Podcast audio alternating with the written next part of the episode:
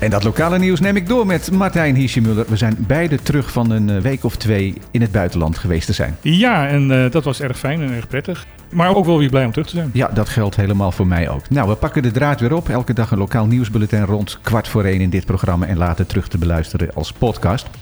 Vandaag als eerste aandacht voor een vondst van verdovende middelen op Klein Bonaire. Wat aan de hand is, is dat er een boot in de gaten werd gehouden die een beetje rare beweging aan het maken was. De kustwacht heeft dat op de radar gevolgd en opeens boog die boot af naar Klein Bonaire. Nee. En dat was verdacht. En uh, daarna ging hij een hoge vaart weer richting Kranendijk. Uh, ze hebben die boot aangehouden. Eén persoon met uh, een kleine hoeveelheid verdovend middel voor eigen gebruik. Ja. Maar ze zijn teruggegaan naar Klein Bonaire. Daar leiden natte voetstappen in het zand naar een tas. En daar zaten drie verdachte pakketjes in. Met hoogstwaarschijnlijk verdovende middelen. Ja, dus Klein Bonaire wordt dus kennelijk door, door smokkelaars gebruikt als afgifteplek. Ja, of omdat de boot gevolgd dat hij gevolgd werd ja. in paniek. Of in ieder geval, dat zou, dat zou ook heel in dit geval ja. heeft hij daarom misschien de boel even gedumpt op Klein Bonaire. Maar nu moet natuurlijk ook nog worden aangetoond dat die spullen inderdaad door de betreffende booteigenaar daar zijn neergelegd. Ja, ook dat nog. Ja, we gaan kijken of we daar later in de week meer duidelijkheid over kunnen verschaffen.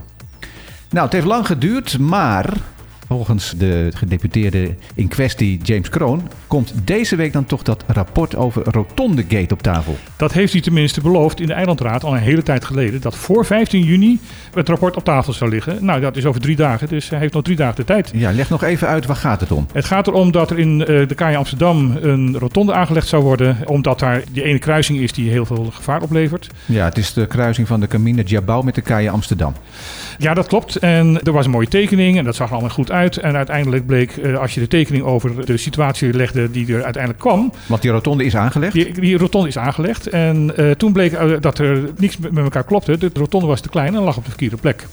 En op die manier konden grotere gebruikers van de rotonde, zeg maar de, de, de vrachtwagens met containers, ja. die konden die rotonde niet nemen. Die konden die bocht gewoon niet maken. Ja. Dus de zaak is afgekeurd. Er is nu een soort noodvoorziening geweest dat er weer gewoon een normale kruising is. En die rotonde ligt daar dus ja, half afgebroken. En ja, de vraag is natuurlijk van hoe is dit in godsnaam mogelijk? En wie uh, is hier aansprakelijk voor? Dat en, was blijkbaar niet zo makkelijk te achterhalen, nee, want het heeft een jaar geduurd. Ja, we, gaan afwachten of inderdaad voor de 15e dat rapport op tafel ligt. De gezaghebber heeft u al gezegd dat hem geen belang treft, omdat het een extern onderzoeksbureau is die dat heeft uh, onderzocht. Dus ja. hij kan niet aangerekend worden dat het zo lang geduurd heeft. En het heeft naar verluid 600.000 dollar gekost. Ja. En er is geen budget meer om een nieuwe rotonde aan te leggen. Nee. Nou, ben benieuwd wat dat rapport op tafel weet te brengen. Er zou een Journalism Week komen.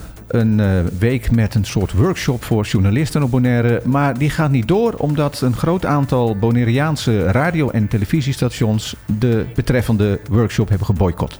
Dat klopt. En daar is heel veel verwarring ook over. Uh, een van de dingen die verwarring heeft gezorgd, is dat er een forumdiscussie zou zijn waar onder andere gepraat zou worden over een publieke omroep. Daar is uit geconcludeerd dat het rapport wat vorig jaar is samengesteld door het bureau Request dat daar kennelijk een advies in zou zitten van dat er een publieke omroep moet komen. Nou, ja. dat blijkt een misverstand te zijn, want in dat rapport van Request staat juist dat er geen publieke omroep moet komen. Maar tijdens die workshop zou daar wel weer over gepraat worden. Ja, die discussie is ook voor publiek toegankelijk.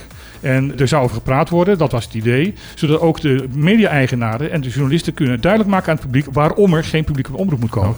Want dat zou oneerlijke concurrentie opleveren. Dat zou oneerlijke concurrentie opleveren. Want de lokale omroepen krijgen natuurlijk geen subsidie. En de, uh, moeten het doen met inkomsten uit reclames. En, en dat is een heel klein vijvertje waar En een mogelijke wordt. publieke omroep zou natuurlijk waarschijnlijk wel een, een fors bedrag aan ja. subsidie gaan opstrijken. Ja, en daarom is het niet wenselijk dat hier een publieke omroep komt. Dan iets heel anders. We gaan het even hebben over het uh, probleem met uh. Ja, de stinkende zeewier die uh, regelmatig ook bij Sorbonne bij ons aanspoelt met een hoop ellende en overlast. Er was sprake van dat dat wellicht uh, toch nog gebruikt zou kunnen worden als veevoer, maar dat is niet de toekomst voor sargassum, heb ik nu begrepen. Nee, de Universiteit in Wageningen onder andere heeft een uh, onderzoek gedaan waarbij blijkt dat in sargassum heel veel uh, zware metalen, arsen, cadmium en andere zware metalen zitten. dat wordt gewoon in de groente meegenomen als je daarmee gaat bemesten. En dat komt natuurlijk ook in de dieren als je de dieren mee gaat voeren. En die zware metalen, zou je dat als, als giftig kunnen bestempelen? Ja, want in sommige groentes die daarmee gekweekt zijn, is er 40 keer meer arsen in gevonden dan eigenlijk wettelijk toegestaan is. Ja, dus niet geschikt voor dieren. Niet geschikt voor dieren, niet geschikt voor groentes uh, voor menselijke consumptie. Is er dan misschien een andere bestemming mogelijk? Nou, het zou eventueel gedroogd kunnen worden en dan samengeperst en als bouwmateriaal gebruikt kunnen worden. Dus gewoon gebouwen uit uh, geperste ja. blokken sargassen maken. Ja, dat zou wel kunnen. Dan hebben we nog een paar minuutjes even naar wat woedende reacties die kwamen op eerdere uitspraken van de minister die op Bonaire was. En dat ging dan over speciaal onderwijs voor bijvoorbeeld leerlingen met autisme. Ja, die heeft uh, vrij bijzondere uitspraak gedaan van dat het aan de ouders ligt dat uh, te weinig uh, speciaal onderwijs gegeven wordt. Ja, dat was minister Wiersma, hè? Ja, de minister Wiersma. Wat er even bij gezegd moet worden is dat de journalisten van Caribisch Netwerk hem daar vragen over wilden stellen. En dat hij zei, ja, ik moet even met mijn ambtenaar praten, want ik weet er niet zoveel vanaf. Ja, en toen kwam hij alsnog met, dit, met, met, met deze uitspraak. Dus, dus dan weet je wat voor mening er heerst bij de ambtenaren. Ja.